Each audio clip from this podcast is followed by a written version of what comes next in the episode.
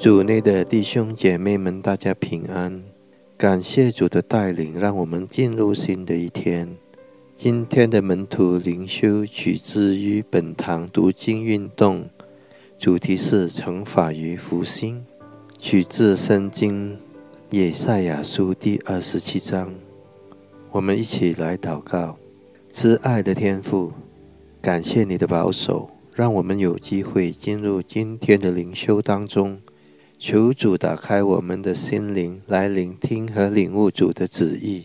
奉靠主耶稣的圣名祷告，阿门。上帝已设定日子，要惩罚那些敌对他子民的国家，以凶恶却可怕的海怪、鳄鱼形容这些国家。第二十七章第一节，敌对上帝的子民的人民是埃及人、亚述人。巴比伦人，虽然这些民族本是上帝用来惩罚屡次犯罪的上帝子民，但要记住，这惩罚本意是出自教导或纯化上帝子民的信心，不是要消灭或摧毁他们。在流放地的上帝子民受极度的苦楚是暂时性的，当纯化工作结束，上帝便恢复他子民的状况。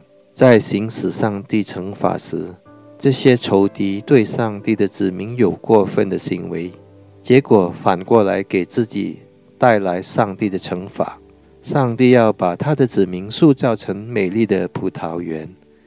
第二十七章第二节，焚烧荆棘和棘藜。二十七章第四节，是描绘要惩罚那些误导上帝子民的国家。上帝对他子民所怀的意念是赐平安的意念，并非降灾祸的意念。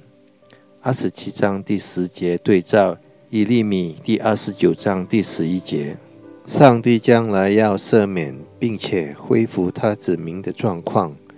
第二十七章第九节，尽管圣经只记录犹大或南以色列人从流放。第巴比伦反国一事，四分五裂的北以色列国也将要回归的。第二十七章第十三节，虽然我们不清楚实现复兴的准确时日，其中我们所共知的复国是一九四八年，全世界的以色列人都回归去建立以色列国。上帝惩罚的意念一向以来都必须被视为他复兴统一计划中的一部分。对上帝的子民而言，上帝的惩罚是具备见识性和教育性质的。